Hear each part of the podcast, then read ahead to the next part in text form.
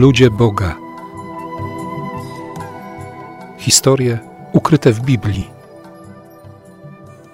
Siostry i bracia, ostatnie dni bardzo mocno otwierają nas, nasze serca, nasze oczy na tajemnicę zbawienia, na to wszystko, co, co Bóg robi dla człowieka, na rzeczy nieprawdopodobne. Chciałoby się powiedzieć, nie bez kozery, nie z tej ziemi by dać człowiekowi nadzieję, by usunąć tego najgorszego, najważniejszego, największego wroga, którym jest nienawiść diabła. Nienawiść sprowadzająca śmierć, nienawiść namawiająca do grzechu, nienawiść, która, która oszukuje i która sprawia, że, że zaczynamy wierzyć zabójcy, że idziemy za głosem ojca kłamstwa, że, że dzieje się to wszystko, co nie jest nam potrzebne do życia. Ale niestety przez tajemnicę nieprawości, przez to doświadczenie wymieszania dobra i zła, przez wydarzenia opisane w trzecim rozdziale Księgi Rodzaju, nie potrafimy we właściwy sposób spojrzeć na siebie, na rzeczywistość. Nie umiemy zdecydowanie odwrócić się od tego, co, co staje się pułapką dla człowieka. I powiedzieliśmy sobie ostatnio, że, że Bóg w takiej rzeczywistości, Bóg, który spotyka nas słabych, nierozumiejących Jego planu, Jego miłości, posługuje się od czasu do czasu środkami przez nas niezrozumiałymi. Zaprasza od czasu do czasu człowieka na drogę, która może być zrozumiana jedynie w postawie zaufania, jedynie przez serce, które, które chce odkryć Boże pragnienia dla którego ważniejsze od własnych myśli, idei, pragnień nawet, jest wsłuchiwanie się, jest wyłuskanie tego, co dzieje się w sercu Boga. Wiemy dobrze, że ta Boża interwencja, opisywana przez rozmaite apokryfy i midrasze żydowskie, poprowadziła Izaaka do ofiarowania błogosławieństwa przeznaczonego dla pierworodnego syna młodszemu z braci, Jakubowi. Temu, który od samego początku jest, jest człowiekiem próbującym sięgnąć po to, co, co nie należy do niego. Można powiedzieć, wciąż przeżywa kompleks starszego brata. Zresztą samo imię Jakow, czyli chwytać zapięte, podkładać nogę, oszukiwać, do tej pory funkcjonuje w języku narodu wybranego na określenie postawy, która nie ma nic wspólnego z zasadą fair play. Stąd trudno się dziwić, że starszy bliźniak Ezaf znienawidził swojego młodszego bądź co bądź brata, że planował go zabić. Ale mając na względzie historię rodzinną z czasów Adama i Ewy, a właściwie Kaina i Abla, kiedy po śmierci Abla Adam doczekał się jeszcze jednego syna, któremu nadał imię Set. Ezaf, mimo zawziętości serca, decyduje się poczekać, aż Izaak zamknie oczy i dopiero wtedy, po śmierci ojca, dokona swojej zemsty.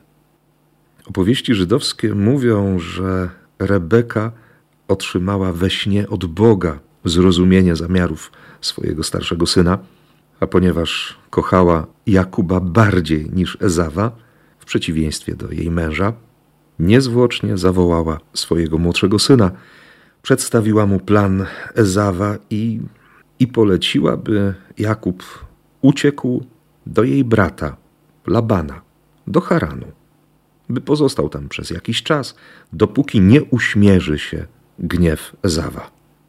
A wtedy, kiedy Ezaw przestanie się gniewać, kiedy zapomni, co Jakub mu uczynił, Wtedy ten bezpiecznie będzie mógł wrócić do swojego rodzinnego domu. Według Targumu Neofiti Rebeka tłumaczy także swojemu mężowi Izaakowi powód ucieczki Jakuba. Sprzykrzyło mi się życie z tymi córkami Hetytów, ponieważ wiemy, że starszy z braci Ezaf wziął sobie za żonę Kananejki. Jeżeli jeszcze Jakub weźmie sobie za żonę córkę Hetytów, tak jak te z córek ludu tego kraju, to już nie będę miała po co żyć. Wydaje się, że Izaak zostaje trochę przywołany do porządku. Przypomina sobie historię początków własnego małżeństwa i, i rzeczywiście woła Jakuba, błogosławi go I na początku 28 rozdziału Księgi Rodzaju słyszymy rozkaz: Nie bierz sobie żony spośród córek Kananu. Idź do domu Betuela, ojca twej matki, i weź sobie tam za żonę jedną z córek Labana, brata twojej matki. Idąc dalej w lekturze Targumu, przeczytamy w szóstym wersecie tego 28 rozdziału, że Ezaw zobaczył, że jego ojciec Izaak dał błogosławieństwo Jakubowi właśnie na tę drogę, która była drogą wierności w obronie czystości wiary. I dopiero wtedy Ezaw zobaczył, że córki Kananejczyków były złe w oczach Izaaka, jego ojca. Co w gruncie rzeczy nie przeszkodziło Ezawowi zamieszkać jednak w krainie Seiru i związać swoje serce z wierzeniami Kananu, z kultem obcych bogów. W Księdze Jubileuszów przeczytamy, że Abraham jeszcze za swego życia, widząc postępowanie Ezawa i zdając sobie sprawę z wierności Jakuba, nawet jeśli była ona sposobem leczenia swoich kompleksów i przypodobania się ojcu, dawał swoje wsparcie i błogosławieństwo właśnie młodszemu z wnuków. Jest oczywiste, że te świadectwa apokryficzne spełniały zadanie pouczające, przypominające o tym, jak, jak ważna jest dbałość o czystość wiary, o tę wyjątkowość, jaką charakteryzowało się postępowanie Abrahama, życie Izaaka i to wszystko, co wydarzało się później w historii narodu wybranego, jeśli chodzi o relacje z Bogiem jedynym. Wiarę, która w ówczesnych czasach była ewenementem i jednocześnie powodem sporów także na gruncie politycznym, co często prowadziło do wojen. Podczas uważnej lektury Biblii raz po raz napotykamy miejsca, w których dbałość o czystość wiary, o wierność jedynemu Bogu domaga się bardzo radykalnych posunięć, włącznie z karą śmierci za bałwochwalstwo. Ten temat pewnie jeszcze się pojawi, ale na tę chwilę pozostawmy niedowidzącego starca, jakim jest Izaak, i zobaczmy, co dzieje się z Jakubem, człowiekiem pełnym kompleksów, człowiekiem rozdartym, człowiekiem, który, gdybyśmy użyli języka Jezusowego, niegodziwą mamoną próbuje zdobyć błogosławieństwo Boga.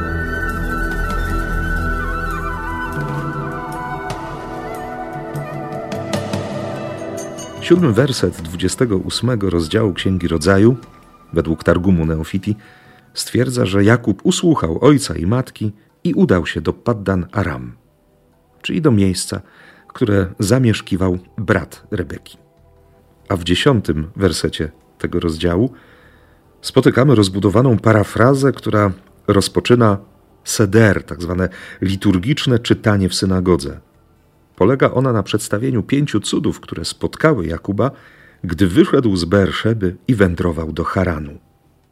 Szersze opisy tych cudów można znaleźć i w tradycji biblijnej, zarówno w Księdze Rodzaju, jak i Księdze Jozułego, ale też w tradycji rabinicznej, choćby w przytaczanym już wielokrotnie podczas omawiania historii Abrahama szerokim komentarzu biblijnym Bereshit Rabba. Pierwszy ze wspomnianych cudów jest wyjątkowy. Polegał na tym, że godziny dnia zostały skrócone i słońce zaszło przed czasem, gdyż słowo pragnęło mówić z Jakubem. Opis drugiego cudu jest również niezwykły, aczkolwiek nie dorównuje temu pierwszemu. Kamienie, które ojciec Jakub wziął i umieścił jako poduszkę pod głowę, kiedy wstał z rana, odkrył, że wszystkie stały się jednym kamieniem. To jest właśnie kamień, który on wzniósł jako stele i wylał oliwę na jego górną część. Trzeci cud ma wyraźny charakter bajkowy, ale i takie pojawiają się w opowieściach żydowskich. Kiedy nasz ojciec Jakub wzniósł swoje stopy, aby wyruszyć do Haranu, ziemia zmniejszyła przed nim swą powierzchnię i znalazł się w Haranie. Czwarty cud. Kamień, którego przybyli pasterze wszyscy razem nie mogli odsunąć od górnego otworu studni, gdy nasz ojciec Jakub przybył, wzniósł go jedną ręką i umożliwił napojenie trzód Labana, brata jego matki. I piąty cud.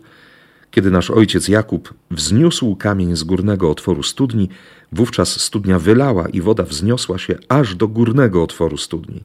Tak wylewała się przez dwadzieścia lat, przez wszystkie dni jego zamieszkania w Haranie. Do poszczególnych znaków, poszczególnych cudów opisanych w dziesiątym wersecie 28 rozdziału Księgi Rodzaju według Targumu Neofiti jeszcze wrócimy. Chciałbym natomiast zatrzymać się razem z wami przy tym pierwszym znaku. Godziny dnia zostały skrócone i słońce zaszło przed czasem, gdyż słowo pragnęło z nim mówić. Pragnęło mówić z Jakubem. Bogu zależy na spotkaniu. Bóg chce mówić do człowieka. Nawet jeśli ten człowiek wydaje się niegodny, nawet jeśli my sobie powiemy, że nie jesteśmy godni spotkania z Bogiem, bo mamy takie czy inne grzechy. Bóg chce z człowiekiem rozmawiać. To pragnienie jest tak wielkie, że komentatorzy Biblii powiedzą, nawet dzień zostanie skrócony i słońce zajdzie przed czasem, bo słowo chce się spotkać. Wieczór, noc to był dobry czas, żeby, żeby spotykać Boga, żeby wychodzić na modlitwę, żeby uczyć się osobistej relacji z Bogiem, by trwać w ciemności po to, by odsłonić serce przed Najwyższym. Zresztą wiemy dobrze, że, że bardzo wielu proroków, wielu bohaterów biblijnych doświadczało spotkania z Bogiem właśnie w nocy. Ciekawe, że Bóg, który jest światłością, wybiera w wielu wypadkach właśnie taką porę, by spotkać się z tymi, których kocha. Najwięcej będą nam mówiły o tym Ewangelie, bo według relacji ewangelistów wiele nocy Jezus przeżył właśnie na spotkaniu z Ojcem, na modlitwie. I myślę, że każdy z nas ma to doświadczenie, że, że nie jest obojętne, w jaki sposób kończymy dzień, że noce spędza się z tymi, których się kocha. I pojawia się tutaj bardzo konkretne pytanie, czy, czy potrafię spędzić, przeżyć noc z Bogiem? Czy zasypiając pozwalam mojemu sercu i mojemu rozumowi mówić i myśleć o miłości do, do Boga, do Ojca Wszechmogącego, który pozwala się nazywać Abba. Ale oczywiście Jakub nie zna tego imienia. Nie wie, że Bóg będzie pozwalał do siebie mówić w tak czuły sposób. Dlatego obecność Boga w jego życiu, Boże prowadzenie, będzie dokonywało się i objawiało na sposób zrozumiały Jakubowi. W kolejnym, jedenastym wersecie 28 rozdziału Księgi Rodzaju przeczytamy, według e, tłumaczenia Septuaginty, dotarł do pewnego miejsca, gdzie postanowił położyć się spać, bo słońce już zachodziło. Wybrał tam jeden z kamieni i podłożył go sobie pod głowę. Na tym miejscu zasnął. Targum Neufiti użyje tutaj innego określenia. I modlił się w tym miejscu i zatrzymał się tam na nocleg, gdy słońce zaszło nad nim. Literackie określenie tego zachodu słońca brzmi: Słońce zatonęło. Ale wróćmy jeszcze do wcześniejszego określenia. Modlił się.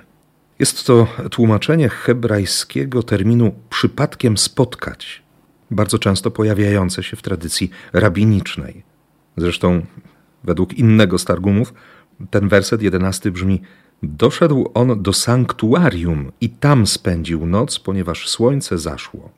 I wziął cztery kamienie spośród kamieni tego świętego miejsca i położył je jak poduszkę, a one zrobiły się jako jeden kamień. I kolejną podpowiedź dają nam midrasze, w których możemy przeczytać, że Jakub po drodze z Berszewy do Haranu zatrzymuje się na noc na górze Moria, na pewnym miejscu, na tej samej górze, na której Noe złożył ofiarę dziękczynną po potopie, na której, o czym doskonale wiemy, Izaak został związany i gdzie powstanie później pierwsza i druga świątynia. Tekst hebrajski Biblii podaje przybył na jedno miejsce, makom. Dokładnie tego samego słowa użyje Biblia, wskazując cel wędrówki Abrahama z Izaakiem. Co więcej, ten rzeczownik jest jednym ze słów używanych na określenie Boga. Przedziwne połączenie. Miejsce, Boża obecność, doświadczenie śmierci zabicie w sobie pragnienia postawienia czegokolwiek lub kogokolwiek w miejscu Boga, zatrzymanie na dziękczynienie za ocalenie życia i według późniejszych tradycji żydowskich przestrzeń sanktuarium. I tam właśnie Jakub, uciekający przed gniewem brata, Jakub, który oszukał swojego ojca, Jakub, który jest oczkiem w głowie swojej matki, zasypia, ma sen.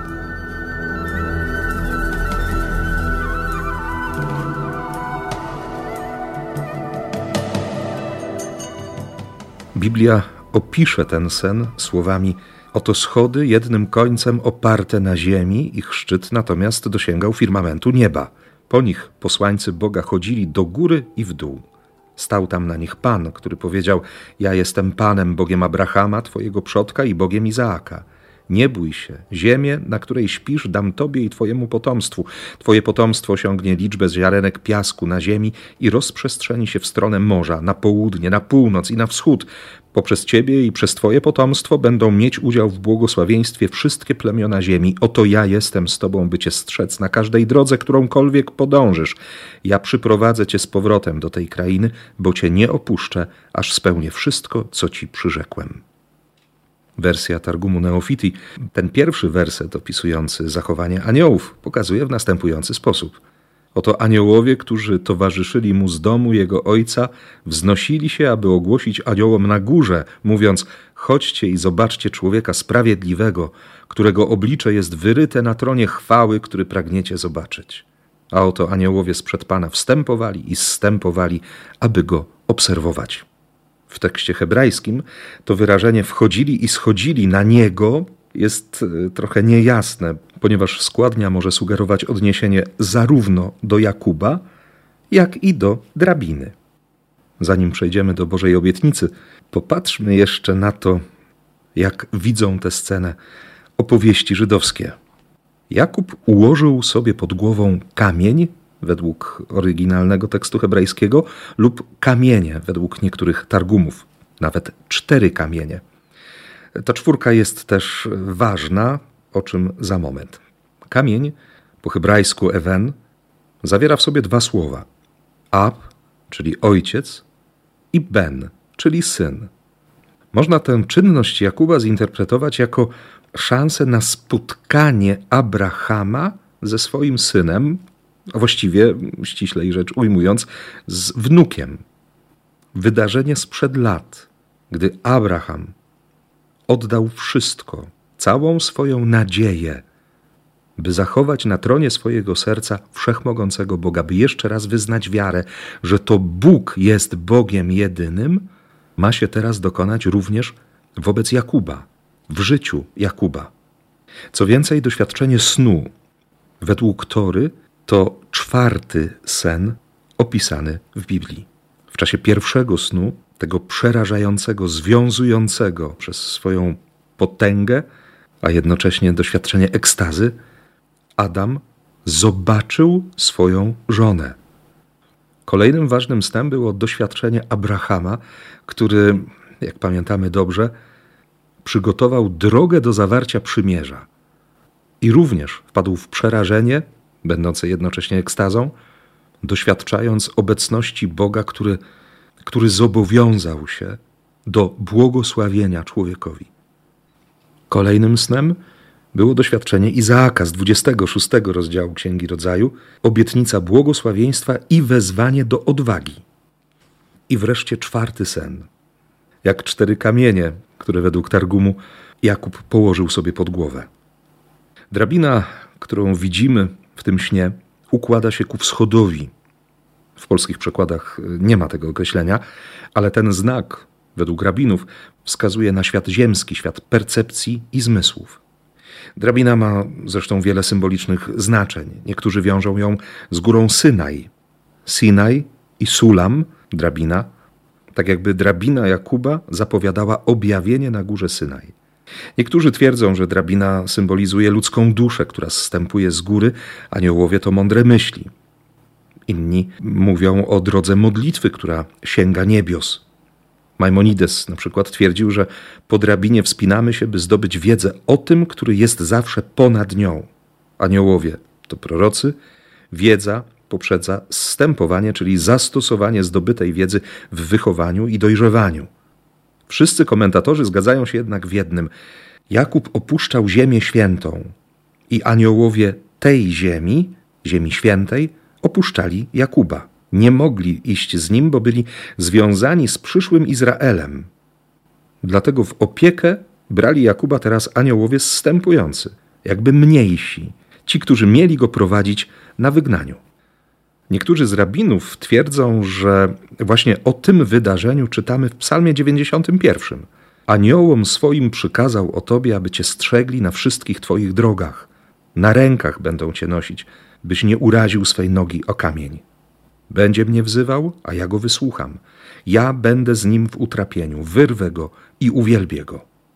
Wiemy dobrze, że sporą część życia Jakub spędził na wygnaniu. Wiele lat w Haranie, później wiele lat w Egipcie.